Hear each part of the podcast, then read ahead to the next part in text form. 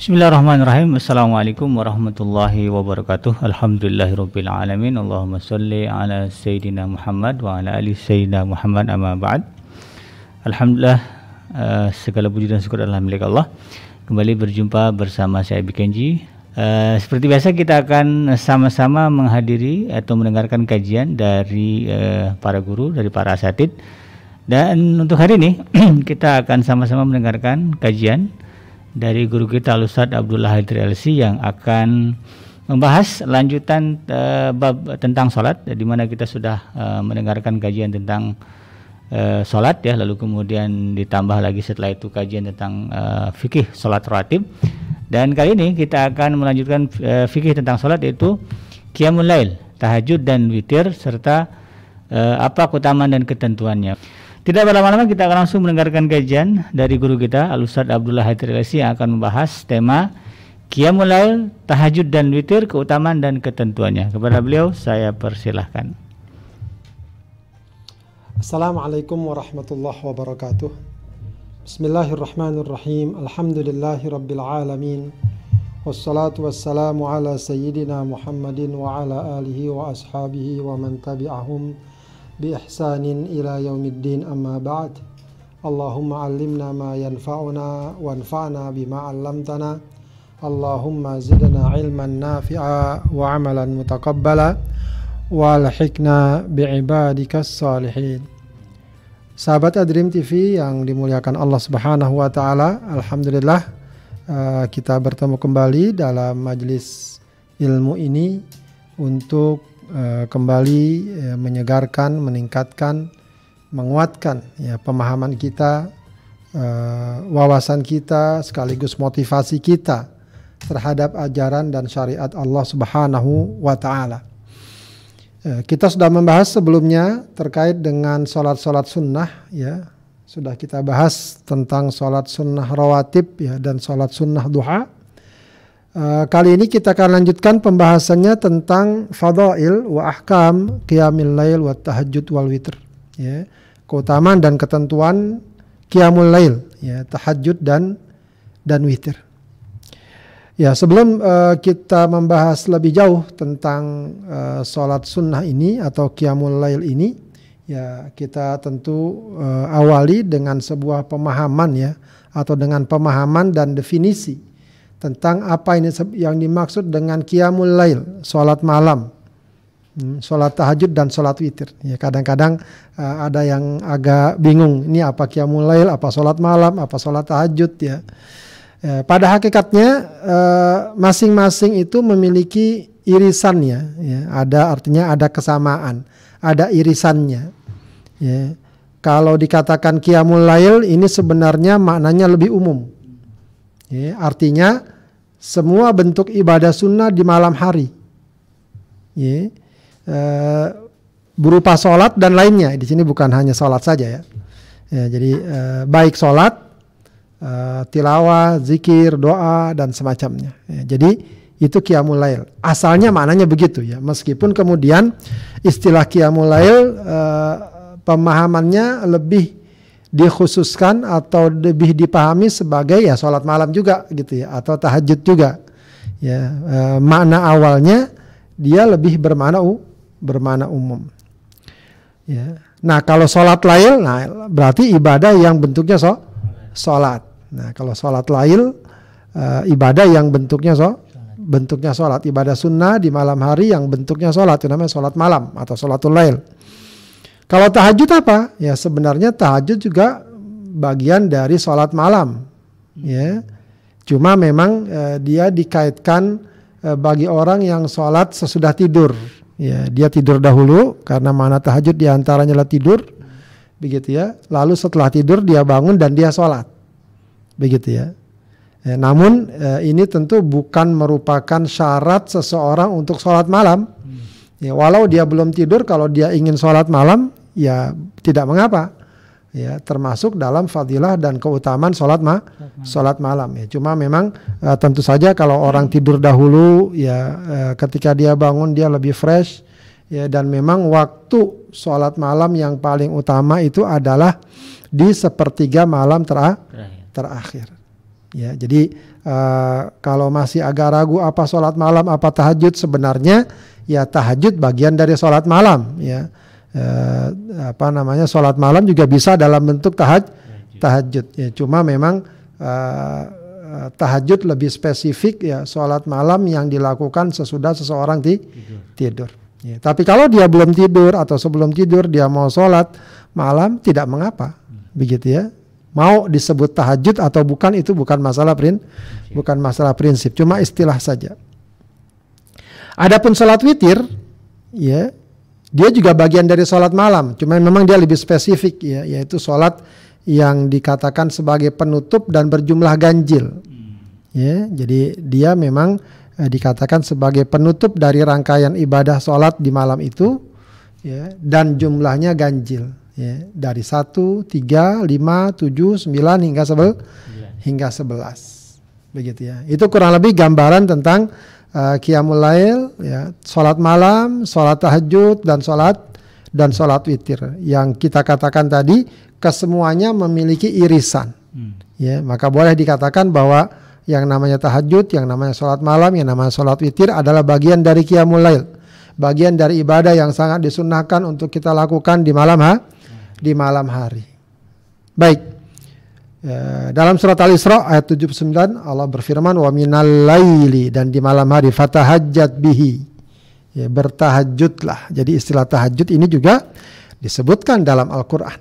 Ya, nafilatal sebagai sunnah tambahan untuk muasa ayyab'atsaka rabbuka maqaman mahmuda ya uh, semoga Allah bangkitkan engkau ya atau Tuhanmu bangkit bangkitkan engkau men, apa di tempat yang terpuji. Ya, kemudian dalam surat Al-Muzammil ya perintah Allah kepada Rasul ya ayyuhal muzammil kumil laila. Nah ini qiyamul lail ya. Kalau di atas tahajud ya. Jadi substansinya sama. Kumil laila bangunlah pada malam hari illa qalila kecuali sedikit. Artinya eh, kalau bisa eh, mayoritas malam kita isi dengan qiyamul lail. Nisfahu kalau tidak bisa semuanya atau sebagian besar setengahnya. Awin kusmin qalilau eh, kurangi dari setengahnya sedikit. Ya. Di sini maknanya adalah salat ma salat malam. Maka uh, dari dua ayat ini saja sudah memberikan isyarat dan menunjukkan ya bahwa yang namanya sholat malam, yang namanya sholat tahajud, yang namanya termasuk witir di dalamnya itu merupakan ibadah yang sangat besar kedudukannya karena dalam Al-Qur'an tidak satu dua ayat Allah menyebutkan dalam beberapa ayat Allah menyebutkan tentang qiyamul lail dengan berbagai redaksi dan berbagai ungkapan. Ya kalau kita perhatikan kemarin seperti sholat duha ya sholat rawatib ya dan sholat-sholat yang lain ya, tidak disebutkan secara spesifik dalam Al-Quran. Tapi sholat malam termasuk sholat tahajud ya disebutkan dalam Al-Quran. Ya, ini tentu saja memberikan isyarat dan makna kedudukan yang besar tentang sholat malam. Baik, apa hukumnya? Ya, sebagaimana kita bahas di sini, yang kita bahas adalah memang sholat-sholat sunnah dan di luar sholat fardu, maka secara umum ya, dia hukumnya sunnah. Para ulama umumnya mengatakan bahwa sholat malam termasuk sholat witir adalah sunnatun muakkadatun. Ya, sunnah yang sangat ditekankan. Ya, uh, sering kita katakan uh, sebuah sunnah dikatakan muakkadah menunjukkan bahwa Rasulullah Shallallahu Alaihi Wasallam selalu melakukannya. Ya, selalu melakukannya kecuali ada uzur. Ya. Ini tentu memberikan penekanan agar sholat malam bagi seorang muslim hendaknya benar-benar dijaga.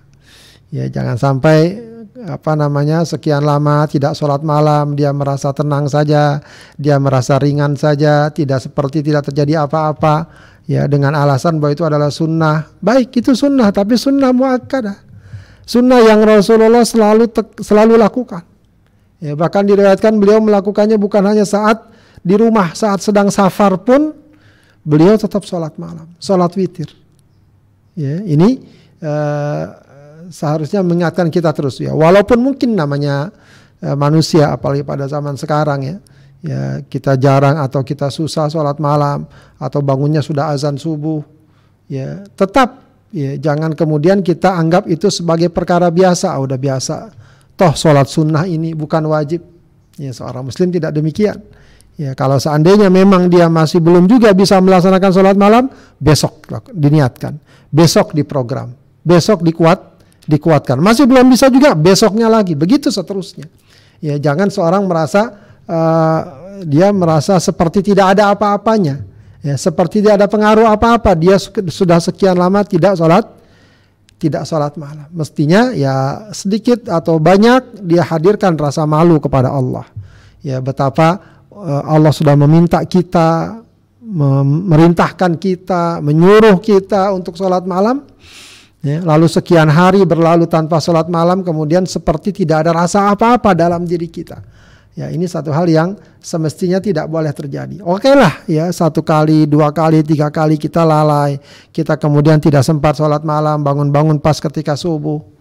Ya. Besoknya, ya, kita renungi lagi, kita hisap lagi diri kita, ini tidak layak terjadi, maka kuatkan azam ya, untuk melakukan sholat malam sholat malam atau sholat tahajud atau ditambah juga dengan ditutup dengan sholat witir. Ya, tadi kita katakan bahwa sholat malam termasuk sholat tahajudnya, sholat witirnya itu sunnatun muakkadah. Bahkan untuk sholat witir, ulama yang dalam madhab Hanafi berpendapat hukumnya wajib. Ini menunjukkan mm, ini masalah yang besar, kedudukannya sangat besar. Jadi ulama dalam madhab Hanafi itu mengatakan sholat witir itu wajib. Ini bukan berarti tentu madhab Hanafi menambah lagi sholat wajib. Ya, sholat wajib yang sudah disepakati, sudah diterima oleh kaum muslimin ya sejak dulu hingga sekarang adalah lima waktu. Ya, bagaimana kok orang-orang ulama dalam madhab Hanafi mengatakan witir itu wajib? Ya, dalam istilah atau apa namanya mustalahat ya, ungkapan dalam fikih Hanafi itu mereka memang membedakan antara wajib dengan fardu. Ya, jadi kalau fardu itu sudah merupakan kewajiban yang sifatnya mutlak. Ya, sudah sangat kuat dalilnya, tidak ada perdebatan lah, tidak ada perdebatan lagi. Ya, adapun di bawah itu maka dikatakan wajib, bukan fardu. Ya wajib, tapi tidak sedemikian kuat eh, dibanding sholat sholat far, sholat atau perkara yang fardu. Ya, perkara yang fardu. Ala kulihal, ya mau dikatakan dia sunnah muakkadah mau dia dikatakan apa namanya wajib khusus dalam sholat witir ya yang jelas keduanya merupakan tuntutan yang sangat kuat bagi seorang mukmin untuk melakukannya dan tidak merasa ringan untuk meninggalkan meninggalkannya ya, bahkan eh, sebagaimana diriwayatkan Rasulullah Shallallahu Alaihi Wasallam ya tidak meninggalkan sholat malam dan sholat witir pada saat saat, saat safar. Ya, dalam sebuah hadis Rasulullah mengatakan afdalus salati ba'dal faridati salatul lail. Ya. Salat yang paling utama setelah salat fardu adalah salat malam. Ya, jadi sahabat hadirin yang dimuliakan Allah tentu uh, perkara ini uh, layak sekali bagi kita untuk kita jadikan sebagai pegangan, sebagai pedoman. Ya. Ya, jangan sampai sebagaimana saya katakan tadi, eh, ada di antara kita yang merasa ringan saja sudah sekian hari, sekian lama tidak sholat malam, mungkin sudah berbulan-bulan, mungkin sudah bertahun-tahun dia tidak sholat malam. Bagi seorang muslim ini tidak layak terjadi. Ya mungkin kita katakan mungkin namanya manusia ketidurankah, capekkah, terlewatkah. Ya, tapi dia tidak boleh membiarkan hal itu berlangsung menjadi sebuah kebiasaan. Ya, harus dia rubah, ya eh, bahkan mungkin stylenya harus dirubah, program hidupnya harus dirubah agar dia bisa sholat sholat malam. Oh kenapa kemarin dia nggak bangun? Mungkin karena kemalaman, kecapean. Kalau gitu kita upayakan agar jangan terlalu malam tidurnya. Ya, kita tambah lagi dengan alarm misalnya, kita tambah lagi minta bantuan anak istri segala macam agar bangun dan begitu. Kemauan yang besar, insya Allah akan Allah bukakan ya jalan-jalan keluar yang dapat membantu dan mendorong kemauan hidup kemauan kita. Dalam sebuah hadis muttafaq alaih Rasulullah bersabda ayyuhan nas wahai manusia. Ya, ini Rasulullah ungkapkan di saat pertama kali beliau uh, hijrah ke Madinah. Ya, sampai ada seorang uh, Yahudi ya, kalau tidak salah Abdullah bin Salam ya, dia ingin ngecek nih Rasulullah apa yang mau dia ucapkan. Karena dari situ dia bisa menilai nanti ini bobot ucapan Rasul atau bukan.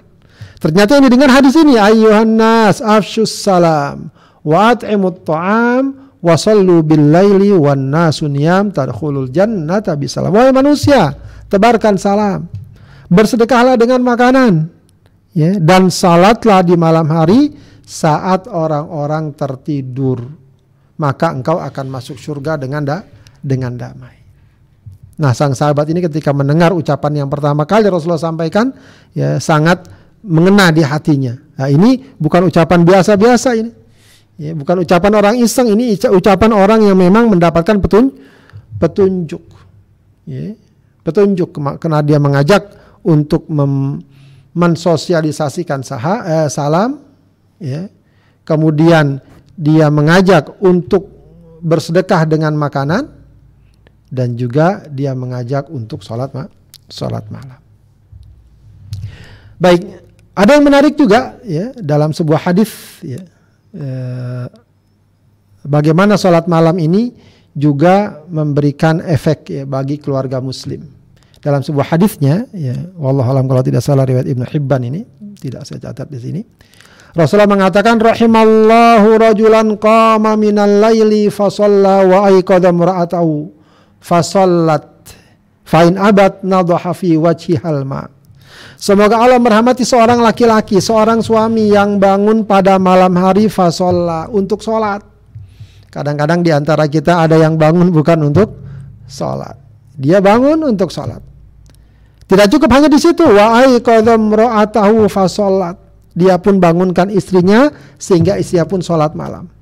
Fa'in abad, ya, jika istrinya tidak mau menolak untuk bangun malam, nadhaha wajhihal ma' dia cipratkan air ke mukanya. Ya, tentu bukan diguyur atau disiram ya, dicipratkan untuk e, mengingatkan dia untuk ba untuk bangun. Kebalikannya rahimallahu mra'atan. Semoga Allah merahmati seorang wanita, seorang istri.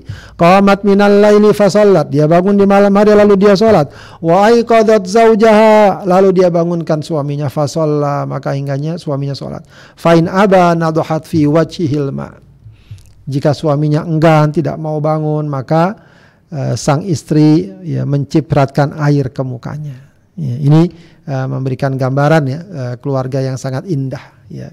Keluarga yang di malam hari sama-sama bersimpuh kepada Allah ya bermunajat, berdoa, berzikir ya menghadirkan kebesaran dan keagungan Allah Subhanahu wa taala. Ya. Maka insya Allah keluarga seperti ini Ya, mudah-mudahan menjadi keluarga yang sakinah, keluarga yang selalu mendapatkan curahan rahmat dan ridha Allah Subhanahu wa taala. Dalam sebuah hadis riwayat Abu Daud Rasul berfirman, "Ya ahlal Quran autiru fa innallaha witrun yuhibbul witr." Ini terkait dengan salat witir diingatkan wahai ahli Quran, ya salat witirlah. Sungguhnya Allah itu ganjil cinta dengan yang ganjil. Ganjil di sini maksudnya Allah esa. Ya karenanya Allah senang dengan yang ganjil. Ya, dalam hadis muttafaq alaih dikatakan wa yutiru ala rahilatihi. Rasulullah itu melakukan sholat witir di atas kendaraan kendaraannya. Ini menggambarkan bahwa sholat witir tetap dilakukan walau Rasulullah sedang sa sedang safar. Adapun sholat rawatib, ba'diyah, qobliyah, ya, kecuali qobliyah subuh itu sholat rawatib tidak dilakukan.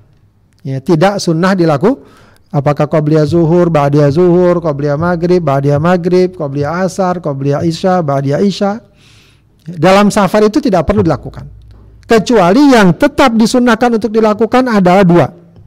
Yaitu sholat qobliyah subuh dan sholat witir. Atau di sini tambah dengan sholat tahaj, tahajud. Ya, jadi uh, sekali lagi ini menggambarkan kedudukan yang besar dari sholat dari sholat witir. Baik. Terkait dengan waktu pelaksanaan sholat malam bagaimana? Waktu sholat malam itu sangat panjang terbentang dari sejak selesai melaksanakan sholat sholat i sholat isya. Ya, jadi sebenarnya uh, apa yang dipersepsikan sebagian orang bahwa sholat malam harus di akhir malam, harus sepertiga malam terakhir, harus sudah tidur itu perkara-perkara yang uh, memberatkan. Ya. Kenapa? Karena tidak disyaratkan sholat malam tidur dulu. Ya memang idealnya begitu. Ya, tapi kadang-kadang banyak orang bisa jadi dia nggak bisa tidur. Ya, dia nggak bisa di atau tidurnya berat, ya, nah, maksudnya cepat eh, lama gitu ya tidurnya.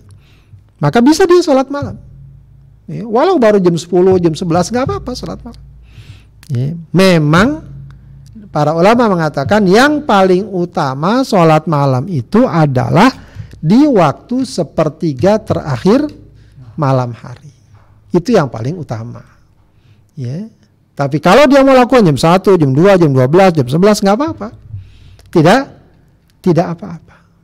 Ya. Masuk insya Allah bagian dari sholat ma sholat malam. Dalam surat Az-Zariyat 18 Allah juga mengingatkan kanu qalilan minal laili ma yahja'un wa bil asharihum yastaghfirun ya. Ketika Allah menyebutkan ciri-ciri orang yang bertakwa adalah orang yang di malam hari ya eh, sedikit tidurnya. Wabil asharihum yastaghfirun dan di waktu sahur. Nah, waktu sahur adalah waktu akhir malam. Ya, maka sholat malam di akhir malam itu lebih utama, lebih utama.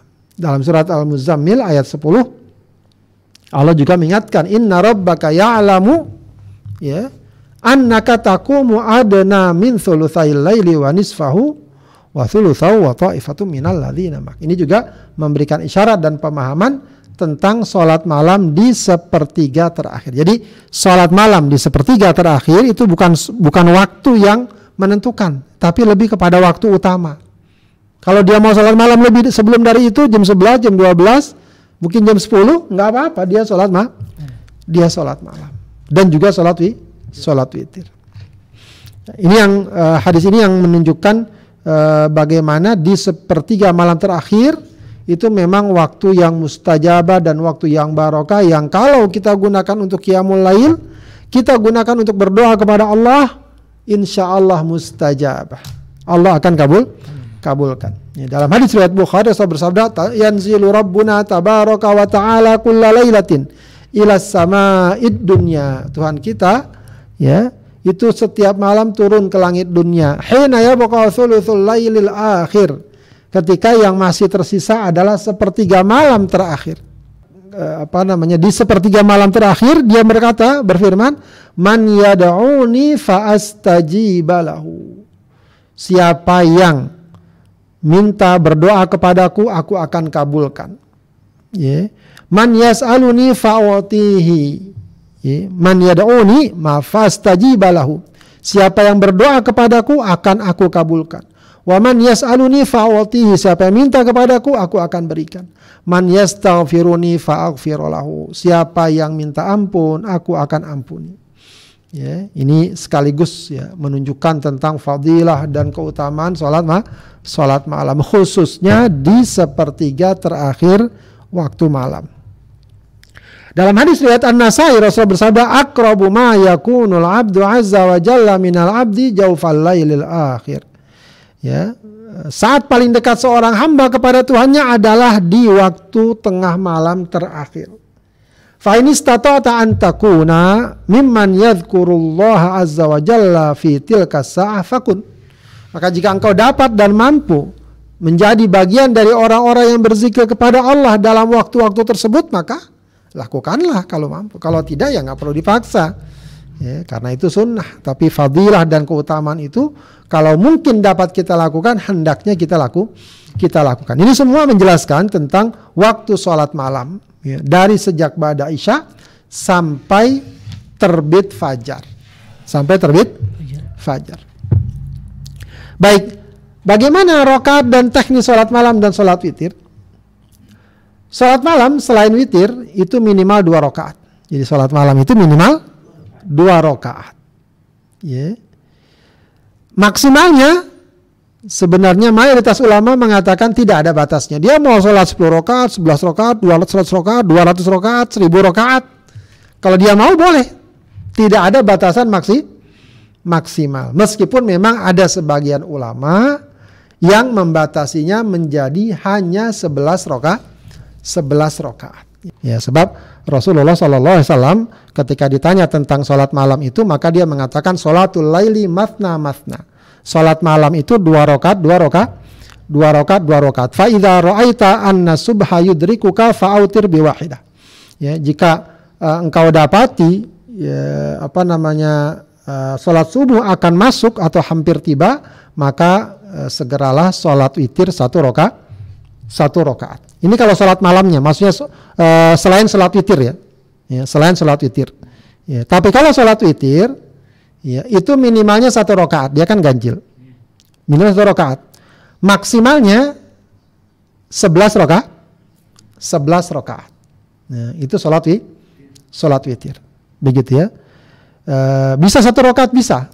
Ya, jadi kita uh, kalau mau sholat witir satu rokat saja boleh. Ya, meskipun ini memang jarang. Yang umumnya sholat witir itu tiga rokat, tiga rokaat. Ya. Jadi umumnya sholat witir itu tiga rokat, tiga rokaat. Ya. Kemudian yang tiga rokaat ini dapat dilakukan dengan dua cara. Ya, dengan dua cara, dua cara. Ya. Pertama, ya dilakukan dengan dua kali salam ya dua dua rakaat ya maksudnya lalu salam. Ya. Uh, lalu satu rakaat lagi salam. Berarti dua kali salam itu maksudnya. Dua kali salam itu maksudnya dia sholat dua rakaat salam lalu bangun lagi rokat uh, sholat satu rakaat lalu sah lalu salam. Itu uh, salah satu caranya. Ada juga cara yang lain eh, dengan sholat witir tiga rakaat ini dia sholat witir sekaligus tiga rakaat, ya, sekaligus tiga tiga rakaat. Ya. Salamnya kapan? Ya, eh, tasyahudnya juga cuma sekali. Jadi rakaat kedua tidak tasyahud. Terus eh, tasyahudnya di rakaat ketiga, ketiga, lalu salam. Ya. Jadi sholat witir ada dua cara. Kalau sholat witirnya lima atau tujuh rakaat, ya, eh, lima atau tujuh rakaat itu dilakukan langsung, ya, satu kali salam juga dan satu tasyahud, jadi lima kali, ya, satu rakaat, dua rakaat, tiga rakaat, empat rakaat, lima rakaat, lima rakaat kelima tasyahud salam. Tujuh rakaat juga begitu caranya. Terus salamnya rakaat ketujuh, tasyahud lalu salam. Kalau yang sembilan rakaat ini agak uh, beda-beda dikit ya. Kalau 9 rakaat, bagaimana caranya? Dilakukan terus di rakaat ke-8 tasyahud awal. Jadi ada tasyahud awalnya kalau 9 rakaat. Di rakaat ke-9-nya tasyahud tsani lalu sah, lalu salam. Kalau dia mau melakukan 11 rakaat, maka balik lagi ke cara yang awal. Dua rakaat, dua rakaat, dua rakaat, dua rakaat, terakhir satu rakaat sah, salam.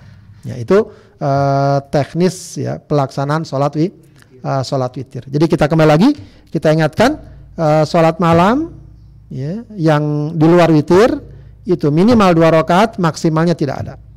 Kalau sholat witir minimal satu rakaat, maksimalnya sebelas dengan teknis yang tadi. Ya. Baik, uh, sholat witir sebelum tidur atau habis isya, ya, habis isya atau ba'da isya. Bagaimana? Ya, apakah sholat witir harus juga di malam hari? Sebab memang uh, apa namanya Rasulullah mengatakan agar sholat witir kita itu menjadi penutup sholat malam kita. Ya, apakah boleh dilakukan sebelum tidur? Boleh. Ya, bahkan para ulama mengatakan sepanjang dia sudah sholat isya, sholat badia isya, dia bisa sholat wi, sholat witir. Ya, bahkan kalau orang mau nggak repot-repot begitu ya, di samping dia mungkin ah daripada ntar saya nggak sholat ketiduran, habis sholat isya, lalu sholat ba'dia isya, dia tambah sholat satu rakaat witir itu sudah cukup. Ya. Dalam hadis riwayat Muslim Rasulullah bersabda, "Man khafa alla yakuma min akhiril lail", siapa yang takut ya khawatir ya, tidak dapat bangun di akhir malam, fal yutir awwalahu, maka dia bisa melakukan sholat witir di awal malam. Wa man tamiya an yakuma akhira fal yutir akhirul lail. Siapa yang uh, percaya atau apa namanya semangat ya dan dia yakin bisa bangun di akhir malam maka uh, uh, lebih baik dia sholat di akhir di akhir malam ya. Uh, fa inna sholata akhiril laili mashhudah wa dzalika afdal ya. Karena sholat di akhir malam itu disaksikan malaikat dan itu lebih utama lebih utama. Jadi boleh saja ya. Apalagi kalau dia perkirakan nanti saya sulit bangun saya belum tentu bangun misalnya, maka dia bisa sholat sebelum tidur, sholat witir, bahkan sholat malam pun bisa, dia sebelum tidur. Jadi sebenarnya ini kita uh, kalau mau dipikir-pikir ya, Kalau dibilang saya tuh susah ya sholat malam karena sering kebablasan. Sebenarnya masih bisa dia sholat malam. Kapan? Habis isya sebelum tidur. Atau habis isya tuh sebelum tidur gak apa-apa. Ya, meskipun tadi kita katakan yang lebih utama memang di akhir malam. Ya, memang kadang-kadang ada orang ya kalau dalam kehidupan kan sering hmm. ya pengen dapat yang lebih baik. Iya. Ya, yang kurang dari itu dia abaikan. Iya. Ya, cuma akhirnya masalahnya yang lebih baik dia nggak dapat, yang standar juga nggak ada, Iya, nggak dapat. Ya, bagusnya kalau memang mau dia lakukan, ya kita dapat yang di bawah standar dulu nggak apa-apa, dengan harapan nanti lama kelamaan akan meningkat begitu ya. Awalnya dia sholat malam atau witirnya sebelum tidur, lama-lama sesudah ti Tidur. sesudah tidur, begitu. Ya.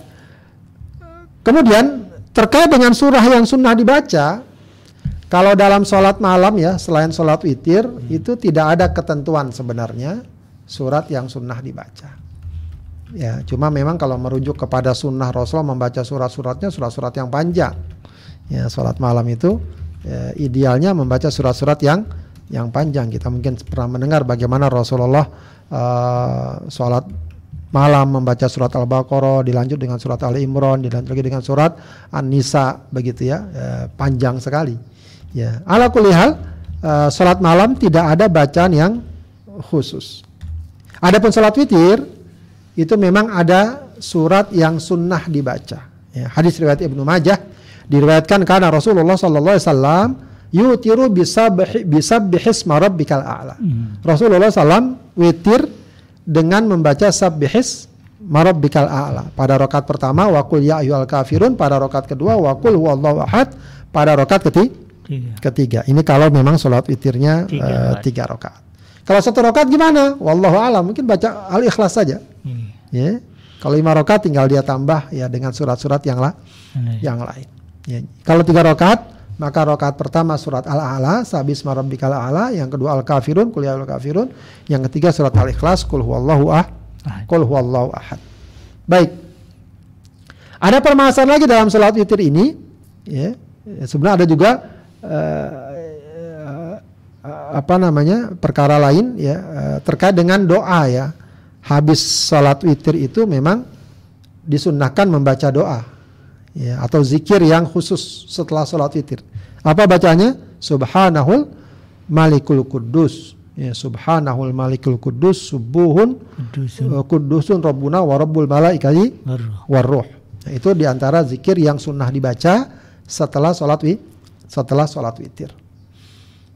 Kalau sholat malam tidak ada zikir khusus ya. Yang bagus memang waktu malam itu atau khususnya waktu sahur memperbanyak istighfar. Ya. Dalam Al-Quran Allah sebutkan wabil asharihum yastaghfirun. Ya, di antara ciri orang-orang yang bertakwa adalah orang yang suka beristighfar, khususnya di waktu eh, di waktu sahur, Iya. ya, di waktu malam tera- terakhir, memperbanyak membaca isti- Istighfar. istighfar. Baik, terkait dengan hukum kunut dalam sholat witir, ya, jadi memang eh, dalam sholat witir ada satu masalah itu hukum kunut, ya, atau masalah kunut. Apakah kunut disyariatkan dalam sholat witir? Ya, dalam madhab maliki mereka mengatakan itu makruh. Ya, artinya tidak disyariatkan makruh melakukan kunut dalam sholat witir. Adapun dalam madhab syafi'i yang cukup terkenal ya eh, dalam madhab syafi'i sholat dalam sholat witir kunut disunnahkan di pertengahan akhir ya. Ya, di pertengahan akhir pertengahan kedua maksudnya. Maka biasa dibaca setelah tanggal 15 Beras. tanggal 15 sampai akhir terawih. Begitu ya. Sebenarnya bukan bukan masalah terawihnya tapi Ramadannya. Iya. Maksudnya eh, eh, apa namanya? eh, witirnya ya, bukan terawih witirnya. Ya, jadi sunnahnya eh, dibaca di pertengahan malam terakhir di bulan Ramadan. Ya, pertengahan kedua setelah bul- di bulan Ramadan di bulan Ramadan. Itu dan memang terkenal dalam fikih Syafi'i. Maka di berbagai masyarakat ya di tengah masyarakat dalam beberapa di beberapa tempat atau khususnya di eh, di tengah masyarakat yang memang melakukan eh, ubudiyahnya dengan eh, dasar madhab Syafi'i itu biasanya memang kalau bulan Ramadan ya pada malam 15 dan seterusnya itu membaca kunut ya eh, saat sholat wi- Witir. witir ya selain sholat subuh. Adapun dalam madhab Hanafi dan sebagian madhab Syafi'i dan Hambali, ya, kunut witir itu disunahkan sepanjang waktu. Ya. Ya, jadi tidak hanya terkait dengan bulan Ramadan atau pertengahan terakhir bulan Ramadan. Di luar itu secara umum disunahkan. Ya, disunahkan. Jadi kita sekarang ini mau sholat witir, uh, mau kunut, silahkan. Ya, meskipun memang uh, para ulama mengatakan uh, jangan selalu, ya kadang-kadang atau uh, selang-seling begitu ya, kadang melakukan, kadang tidak begitu. Ya, menunjukkan bahwa ini memang bukan sunnah yang muakkadah sedemikian rupa ya, mustahab lah ya. ya. dianjurkan. Memang ada riwayat terkait dengan ini, ada hadis Ubay bin Ka'ab yang uh, diriwayatkan Abu Daud, Nasai dan Ibnu Majah uh, dia mengatakan anna Nabi sallallahu alaihi wasallam qanata fil witri bahwa Nabi sallallahu alaihi wasallam melakukan kunut dalam sholat witir. witir. Ya, ini nanti akan jadi perdebatan ya apakah ini maksudnya adalah uh, kunut yang khusus, kunut nazilah misalnya, ya, atau juga uh, terkait dengan derajat hadis ini apakah dapat dijadikan sebagai uh, patokan atau pegangan atau apakah perbuatan Rasulullah ini menunjukkan uh, perintah yang bersifat terus menerus atau uh, sesekali saja begitu ya. Jadi memang uh, jangan heran kalau memang ada orang yang ketika kunut dia melakukan yang ketika kolat, ketika dia sholat witir dia melakukan ku, kunut. dia melakukan kunut. Ya. Baik, uh, permasalahan berikutnya adalah jika sudah sholat witir sebelum tidur dan masih sempat kiamul lail, apa yang dapat dia lakukan? Ya. Ya, pendapat yang terkuat dari para ulama terkait dengan masalah ini adalah dia tetap boleh melakukan kiamul lail ya, walau sudah sholat witir sebelum tidur. Ya.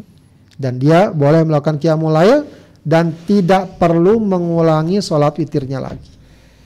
Ya. Tidak perlu mengulangi sholat witirnya lagi. Memang ada yang uh, sering dibuat uh, ragu dengan uh, hadis ya riwayat Bukhari ij'alu akhirat sholatikum bil witra. Hmm. Jadikan akhir sholat kalian di malam hari itu sholat witir. Sholat witir. Ini yang dimaksud adalah kalau memang pelaksanaan sholat malam dan sholat witirnya beriringan, ya maka jangan sholat witir dulu baru sholat malam. Tapi sholat malam dulu baru sholat witir. Atau tahajud dulu baru wi, baru witir. Tapi kalau terpisah ya, dan dia sudah melakukannya sebelum tidur, ya maka sesudah tidur dia mau sholat malam boleh saja. Ya. Dan dia tidak perlu lagi melakukan sholat witir lagi. Ya, karena dalam hadis riwayat yang di lain Ibnu Ibban ya dikatakan la witrani fi laila, tidak ada dua witir dalam satu dalam satu malam. Begitu. Ya, jadi uh, sederhana saja ya. Yang paling aman kalau kita mau uh, pastikan ya sholat witir sebelum tidur. Kalau bangun nanti malam sebelum subuh, alhamdulillah kita bisa tambah dengan sholat tahajud kalau tidak bangun juga, alhamdulillah kita sudah wi witir. sudah witir. Paling tidak kita sudah sholat malam, sebab witir bagian dari sholat ma hmm. dari sholat malam. Gitu. Jadi sebenarnya uh, ringan saja ya, praktis saja, sholat saja. Yang gampang sholat saja. Ya, nanti kalau bangun, tinggal kita sholat malam, sholat tahaj tahajud. Kemudian dalam sholat witir itu juga para ulama mengatakan dapat dikodok kalau tidak sempat sholat witir. Ya. Kalau tidak sempat sholat, witir. Witir. Kita udah udah niat nih mau tidur. Nanti udah insya Allah bangun kok begitu ya. Hmm.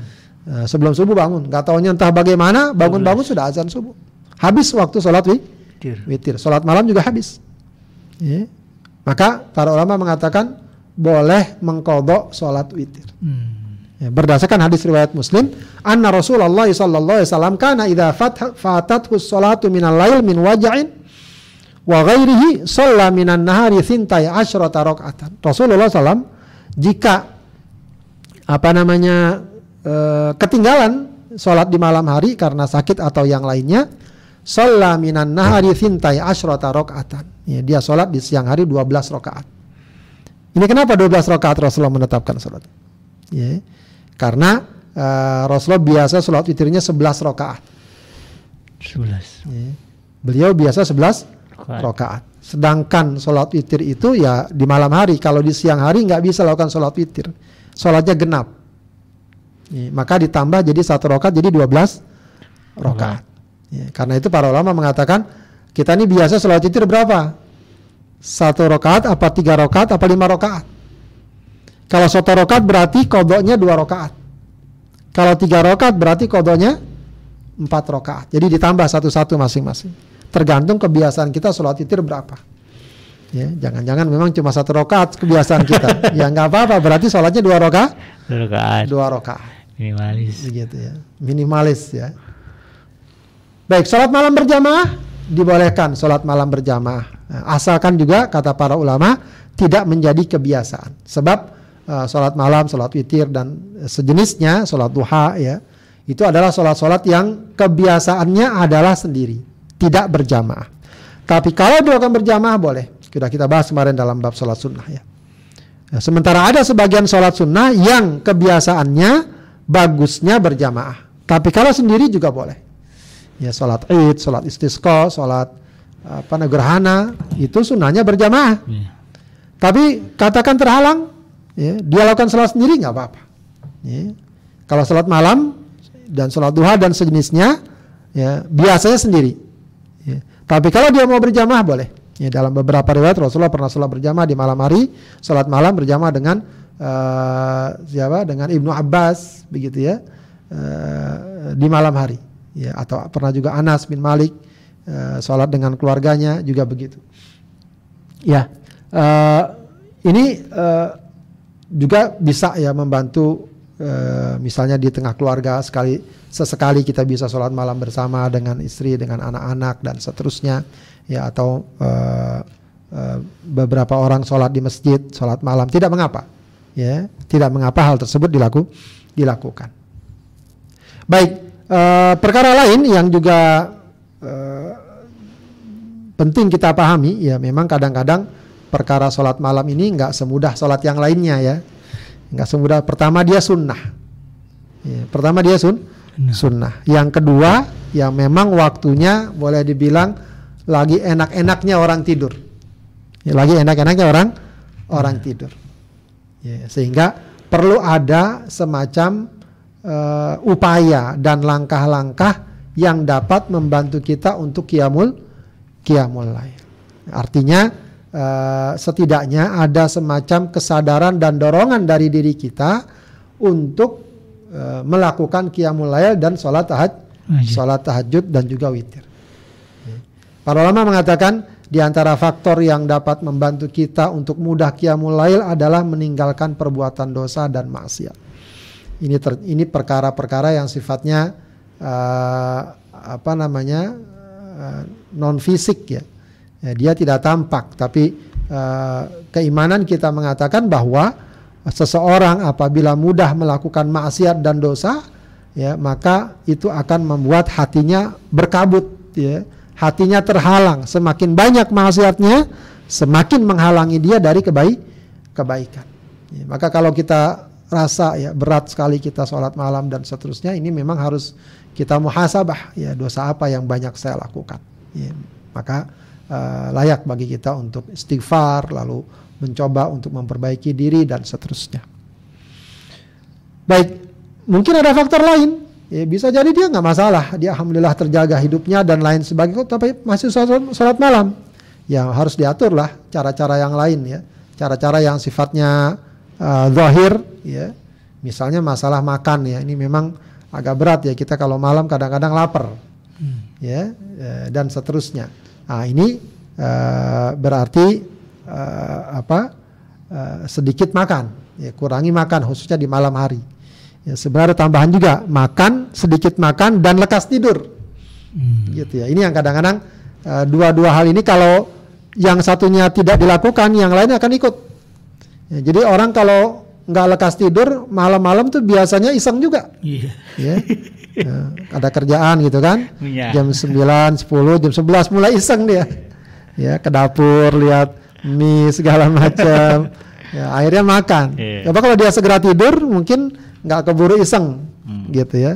Jadi dua-duanya itu sedikit makan dan segera tidur itu sangat membantu seseorang hmm. untuk sholat ma nah. untuk sholat malam. Sehingga ada yang mengatakan perkara sholat malam itu bukan bagaimana masalah kita bangun, ya, tapi masalah bagaimana kapan kita tidur, ya, kapan kita tidur.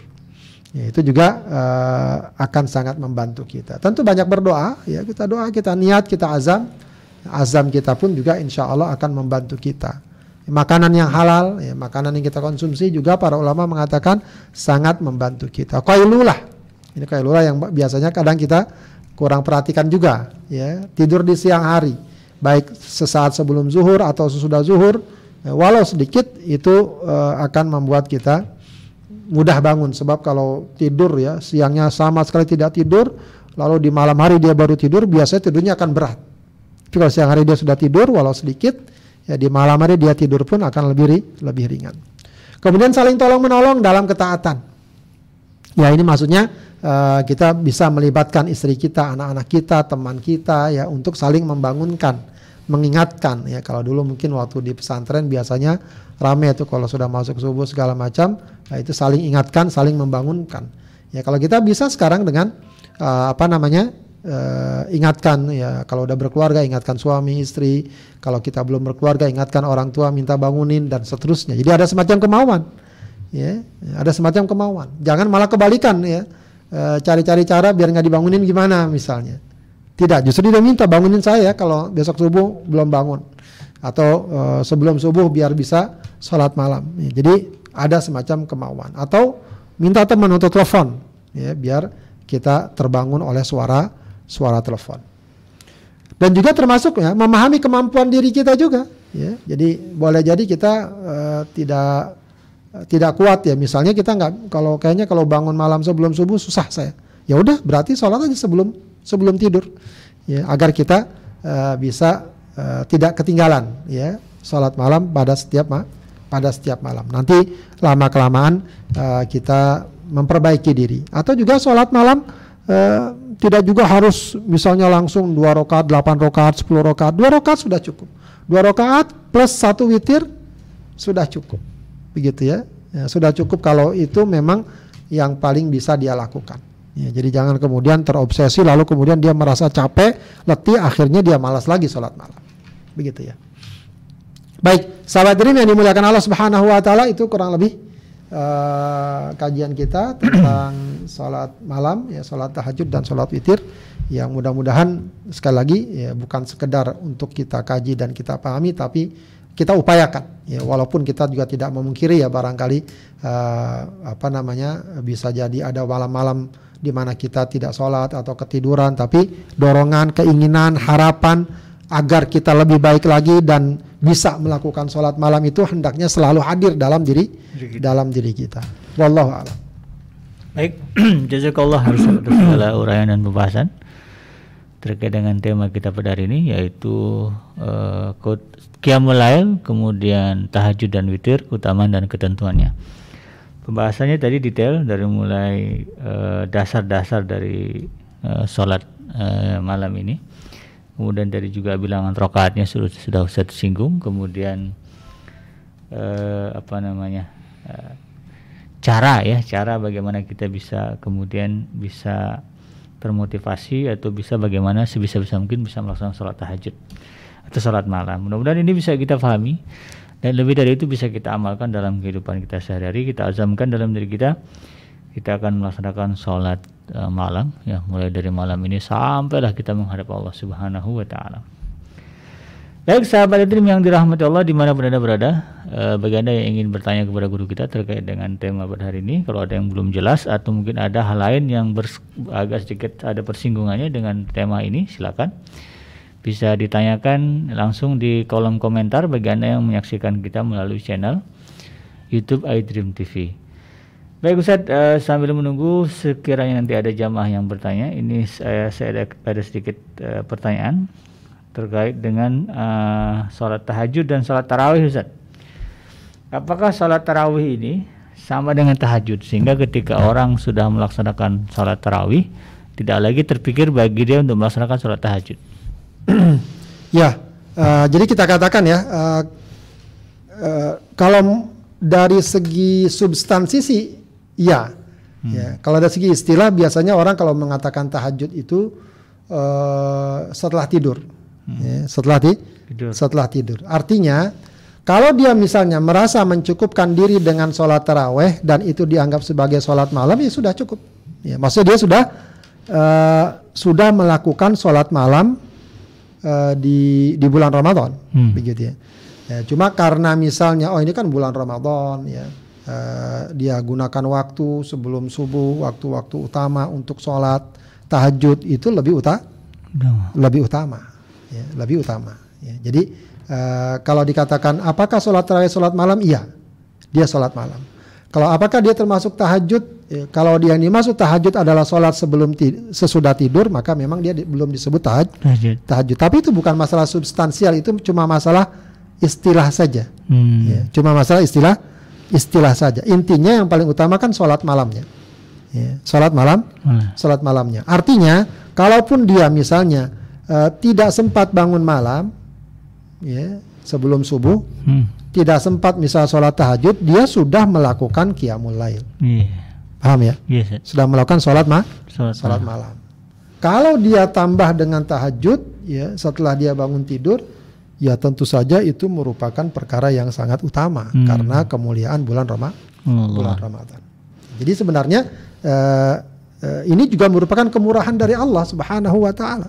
Oh kalau gitu enak banget dong ya kita udah rame-rame segala macam, ya terus sholatnya juga di awal malam. Iya itu kemurahan Allah. memang. Eh, Ya, ya biar seluruh atau semua kaum muslimin tidak ketinggalan untuk mendapatkan rahmat ampunan Allah di bulan Roma Allah. di bulan Ramadan ya. Makanya eh, kita katakan sungguh sangat rugi banget ya orang kalau di bulan Ramadan gampang saja meninggalkan terawih. Hmm. Kenapa? Udah dikasih kemudah Kemudahan. kemudahan. Sebelum tidur boleh sholat. Sebelum tidur rame-rame lagi jamaah masih juga nggak mau. Ya, seakan-akan dia udah ditawarin tuh ya tawaran yang sangat besar, dia tidak mau ambil. Gitu ya. Wallah. Iya, iya. Jadi kalau yang biasa tahajud nggak apa-apa Ustaz ya disambung tahajud. Tapi Ya, nggak tidak mengapa. nggak perlu witir lagi kan setelah waktu Kalau dia sudah witir sebelum Jamaah, tidur atau terawih. ketika waktu terawih ya nggak perlu witir lagi. Jadi cukup eh, ditambahkan tahajudnya. Iya. Hmm, Baik, baik. Ini juga eh, biar nanti kita nggak maksudnya eh, berpikiran aneh-aneh lah. Kadang-kadang, waduh ini saya belum tahajud nih sehingga ada beban gitu. Atau eh, ah cukup deh ya dengan tarawih ini juga tidak apa-apa karena itu merupakan bagian dari rahmat Allah Subhanahu Wa Taala kepada kita di bulan Ramadan. Sekarang kita udah masuk di tanggal 16 ya di bulan Jumadil akhir. Nanti masuk bulan Rajab, habis itu Sa'ban, nah, dua bulan setengah lagi lah Insya Allah kita akan masuk ke bulan Ramadan. Mudah-mudahan pandemi ini segera berakhir Amin. sehingga eh, terawih berjamaah bisa dilakukan. Eh, ini ada pertanyaan Ustaz dari eh, akun atas nama Rian Ofria. Assalamualaikum Ustaz untuk bacaan surat sholat tahajud. eh tadi kalau itu kan sudah jelaskan Ustaz ya. Nah yang kalau tahajud ada nggak eh, bacaan khusus atau doa khusus? Eh, sejauh yang saya tangkap tidak ada bacaan khusus atau doa khusus eh, apa namanya saat sholat tahajud. Ya artinya berarti eh, sifatnya terbuka. Ya. Hmm. Silakan baca surat apa saja. Ya doanya pun ya berarti terbuka. Yang yang jelas apalagi di sepertiga malam terakhir ya tadi sudah Rasulullah jelaskan ya eh, apa namanya eh, siapa yang berdoa akan aku kabulkan, siapa yang meminta akan aku beri, siapa yang minta ampun akan aku beri ampun. Maka ya kita doa terbuka apa yang kita inginkan, apa yang kita mau dan juga istighfar. Mohon ampun kepada Allah Subhanahu wa taala. Ya, jadi eh, tidak ada doa dan surat yang khusus ya dibaca untuk sholat eh, tahajud. Kecuali sholat witir tadi ya ada surat yang khusus yang dianjurkan dan juga eh, zikirnya secara khu- secara khusus. Ya, jadi tidak mengapa, bukan berarti nggak perlu berdoa. Hmm. Ya, tentu saja itu waktu yang salah satu waktu yang mustajabah juga untuk berdoa. Berdoa. Ya, Justru hal itu kita anggap sebagai kemudahan bagi kita untuk bisa berdoa apa saja yang kita ingin, yang kita inginkan. Hmm. Tapi Ustaz di dalam dalil pendalilan surat tahajud tadi kan di surah Al- Al-Isra Ustaz ya. Ya, Di ayat setelah eh, wa minan lali fatahajjat bi itu kan ada kalimat wa qur rabbi adkhilni mudkhala sidiqin wa akhrijni mukhraja sidqin sampai eh, dua sampai dua ayat setelah itu. ya. Apakah itu satu perintah untuk kita baca? Eh, wallahu alam tidak ada eh, petunjuk yang mengatakan bahwa itu doa secara khusus. Ya. Ya, tidak ada petunjuk yang mengatakan bahwa itu merupakan doa yang khusus kita baca Ketika sholat malam. ketika sholat malam. Ya, dia- para ulama tidak mengatakan atau tidak mengaitkan itu sebagai sebuah doa yang Hmm. yang khusus. Baik, baik. Jadi eh, penting eh, untuk Ya. kita ketahui juga ini ya. Meskipun kalau kita mau baca juga boleh saja, Iya. gitu ya, tidak masalah. Tidak ada larangan Ustaz ya. Baik, eh, demikian ya Bu ya. Eh, kalau untuk sholat witir rakaat pertama kalau tiga rakaat ya itu surat eh, sabihis ya, surat al-a'la. Kemudian rakaat keduanya surat al-kafirun. Kemudian eh, rakaat ketiganya eh, surat al-ikhlas. Nah, jadi harus dihafal tiga surat ini. Eh, baik Ustaz, ini ada pertanyaan lagi dari akun atas nama Denny Gumbira. Benarkah sholat malam hari ada saat dijabah? Itu jam berapa? Jam berapa itu tidak ditetapkan ya. Kalau tadi bahasanya uh, akhir Iya. ya. Atau waktu sahur. Oke, dijamkan deh Ustaz kalau ngitungnya kalau gitu. Kalau dijamkan ya, kalau Ah. misalnya sepertiga malam terakhir, Nah, katakanlah kalau berarti malam dibagi tiga dulu. ah, dari jam berapa nih? Jadi sekarang kalau malam dari jam 6 Ah, Ya. sampai jam 6 pagi. sampai jam 6 pagi 12 jam. Ah, Berarti berapa? 4 jam, 4 jam. ah, Iya, iya, berarti 4 jam dari jam 6 jam 10. jam 10. Jam 10 sampai 4 jam lagi. Nah, jam 4, Nah, maksud jam 4. Jam 10 4 jam kemudian 11, 12. jam 2. Satu dua ya, dua. Berarti dari jam 2 sampai Sampai jam 6, sampai Jam- sholat enggak, subuh sampai ya. subuh. Oh, itu. berarti sekitar eh, ya 2 atau 3 jam Iya. begitu. Patokan dari jam, jam 2 dua. lah ya. Jam 2, jam 3 begitu itu udah masuk sulusul akhir. Ah, Ya, udah masuk sepertiga malam tera terakhir. terakhir. Nah, itu kalau kita mau berdoa ya mustajabah insya Allah doanya. Nah, tidak ditetapkan sih menit keberapa, jam keberapa, tapi paling tidak Itu di secret. sepertiga malam terakhir, begitu ya. Di situlah kita memperbanyak doa, sholat kita doa, sholat atau dalam sholat pun dalam sujud kita bisa banyak berdoa, Berdoa. bisa banyak berdoa, begitu ya. Kalau ada orang yang membiasakan sholat tahajud kalau ada hajat gimana Ustaz? Kalau nggak ada hajat dia sholat tahajud. Ada hajat pengen Iya misalnya gitu dia mau ujian baru sholat tahajud, ada tender besok sholat tahajud. Kalau nggak ada itu kayaknya nggak usah. Ini gimana Ustaz? Itu nanti mungkin bisa kita bahas dalam sholat hajat ya. Oh, Kita gitu. rencana ada sholat uh, kita bahas sholat istikharah, sholat hajat dan sholat tasbih Ah, ya, iya. insya Allah pada pertemuan Baik baik baik. berikutnya. Jadi ala kulli hal uh, seseorang punya hajat, punya keinginan lalu dia sholat, kemudian dia mintakan hajatnya itu paling tidak standar sudah bagus. Iya. Ya kemauan baiknya ada. Meskipun tentu saja idealnya tidak harus dikaitkan dengan hajat tertentu. Hmm. Begitu ya bahwa ibadah-ibadah kita hendaknya jangan begitu saja dikaitkan dengan sekian keperluan Hmm. uh, atau apa begitu baru kita sholat. ya. Karena uh, sholat-sholat yang diajarkan itu uh, semestinya adalah sholat yang ya selalu kita lakukan, baik ada hajat atau tidak ada ha- Hajat. atau tidak ada hajat. Idealnya begitu, agar ibadah kita betul-betul terbukti sebagai sebuah bentuk pengabdian dan ibadah kepada Allah Subhanahu wa taala, bukan sekedar kalau ada maunya. Iya. Begitu ya. Ya, Meskipun sekali lagi eh, ya itu masih baik karena memang Allah perintahkan wasta'inu bis sabri was wassalam mintalah tolong kepada Allah dengan sabar dan sholat. Tapi tentu akan berbeda. Orang yang selalu sholat lalu pas ada hajat dan memang dia sholat. Iya. dengan orang yang kalau lagi ada maunya kemudian dia baru sholat. Ya ibarat ada orang yang nggak pernah datang ke kita apa apa tahu-tahu datang tahu-tahu datang minta-minta begitu ya. Dengan orang-orang yang tiap hari ya sering berkomunikasi silaturahim. Kalaupun dia minta ya memang ya selama ini sudah bagus komunikasinya. Baik. ya. Jadi mudah-mudahan ini juga memotivasi kita lah kan eh, kita selalu minta kepada Allah agar kita ini diberikan kekuatan memperbaiki ibadah. Salah satunya itu ya eh, jangan tergantung dengan hajat. Pertanyaan terakhir Ustaz, bolehkah eh, melaksanakan sholat eh, malam ini eh, tapi ayat sur apa disambilkan dengan membaca mushaf? ya Boleh nggak Ustaz? baik membaca mushaf kalau ada kebutuhan tidak apa-apa ya tidak apa-apa boleh ya Misalnya dia mau melazimkan ah, biar hatam deh ke satu juz misalnya malam ini. Boleh Ustaz? tidak tidak apa-apa secara umum boleh saja Hmm. ya secara umum boleh Boleh. Boleh saja, ya. Tidak ada larangan dan ada riwayat eh, Aisyah memerintahkan pembantunya untuk memegang mushaf untuk murojaah bacaan dia. Cuma wallahu alam, ya ya kalau dia cari yang lebih baik lagi, ya ba- bagus kalau itu bisa mendorong dia untuk menghafal misalnya. Iya, iya. Eh, atau eh, juga eh, tidak dijadikan sebagai kebiasaan begitu ya. Hmm. Mungkin sekali-sekali. Kenapa? Karena orang kalau megang kecuali kalau kalau sekarang banyak yang mushaf yang besar dia nggak Iya. perlu pegang begitu Iya, kan Ditaruh di tiang. taruh dia bisa. Kalau megang mushaf paling enggak dia nggak bisa bersedekap yang itu merupakan salah satu sunnah so, Oh. salah satu sunnah sholat misalnya atau kadang-kadang dia dibuat repot dengan mushaf ngambil segala macam Iya. gitu ya. Belum pakai kalau pakai HP, HP bunyi. Bah, Apalagi kalau pakai HP jadi masalah terganggu. Iya, baik-baik. Kalau misalnya dia eh, ada kebutuhan dalam arti ya tadi ya mungkin Ah, murojaah iya. sekaligus dia hafal atau dia jadi makmum mengontrol bacaan imam itu Boleh. ada kebutuhan itu Iya, tidak baik. mengapa. baik, baik, baik. Baik Ustaz, eh, sepertinya tidak ada lagi pertanyaan dari jemaah. Sebelum ditutup silakan untuk menyampaikan closing statement terkait dengan tema kita pada hari ini. Baik sahabat Adrim yang dimuliakan Allah Subhanahu wa taala. eh, Sholat malam ini memang eh, salah satu ya boleh kita katakan ya barometer eh, apa istilahnya kecintaan dan kesetiaan kita ya kepada Allah Subhanahu wa taala kepada Rasulnya ya sebab ini memang sholat sunnah yang eh, bisa jadi kalau bukan karena ada kesungguhan yang khusus ya itu sulit diwujudkan. Ya sebab kalau sholat duha insya Allah gampang ya. Meskipun juga tetap membutuhkan eh, perhatian khusus ya. Sholat rawatib yang kita bahas kemarin juga gampang insya Allah. Ya kita biasa tapi kalau sholat tahajud ini butuh ada kemauan ekstra.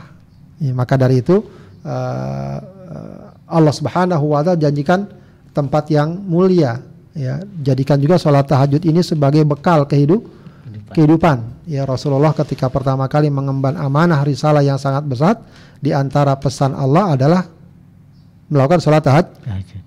melakukan sholat tahajud. Ya karena kata Allah eh, apa aku akan memberikanmu beban yang be- Berat. yang besar. Ini menggambarkan eh, kalau kita sholat tahajud maka juga insya Allah akan memberikan dan menguatkan mentalitas kita ya dalam menghadapi berbagai macam tantangan dan ujian dalam kehidup Hidup. dalam kehidupan ya semoga Allah jadikan kita orang-orang yang gemar ya dan ingin selalu melakukan sholat tahajud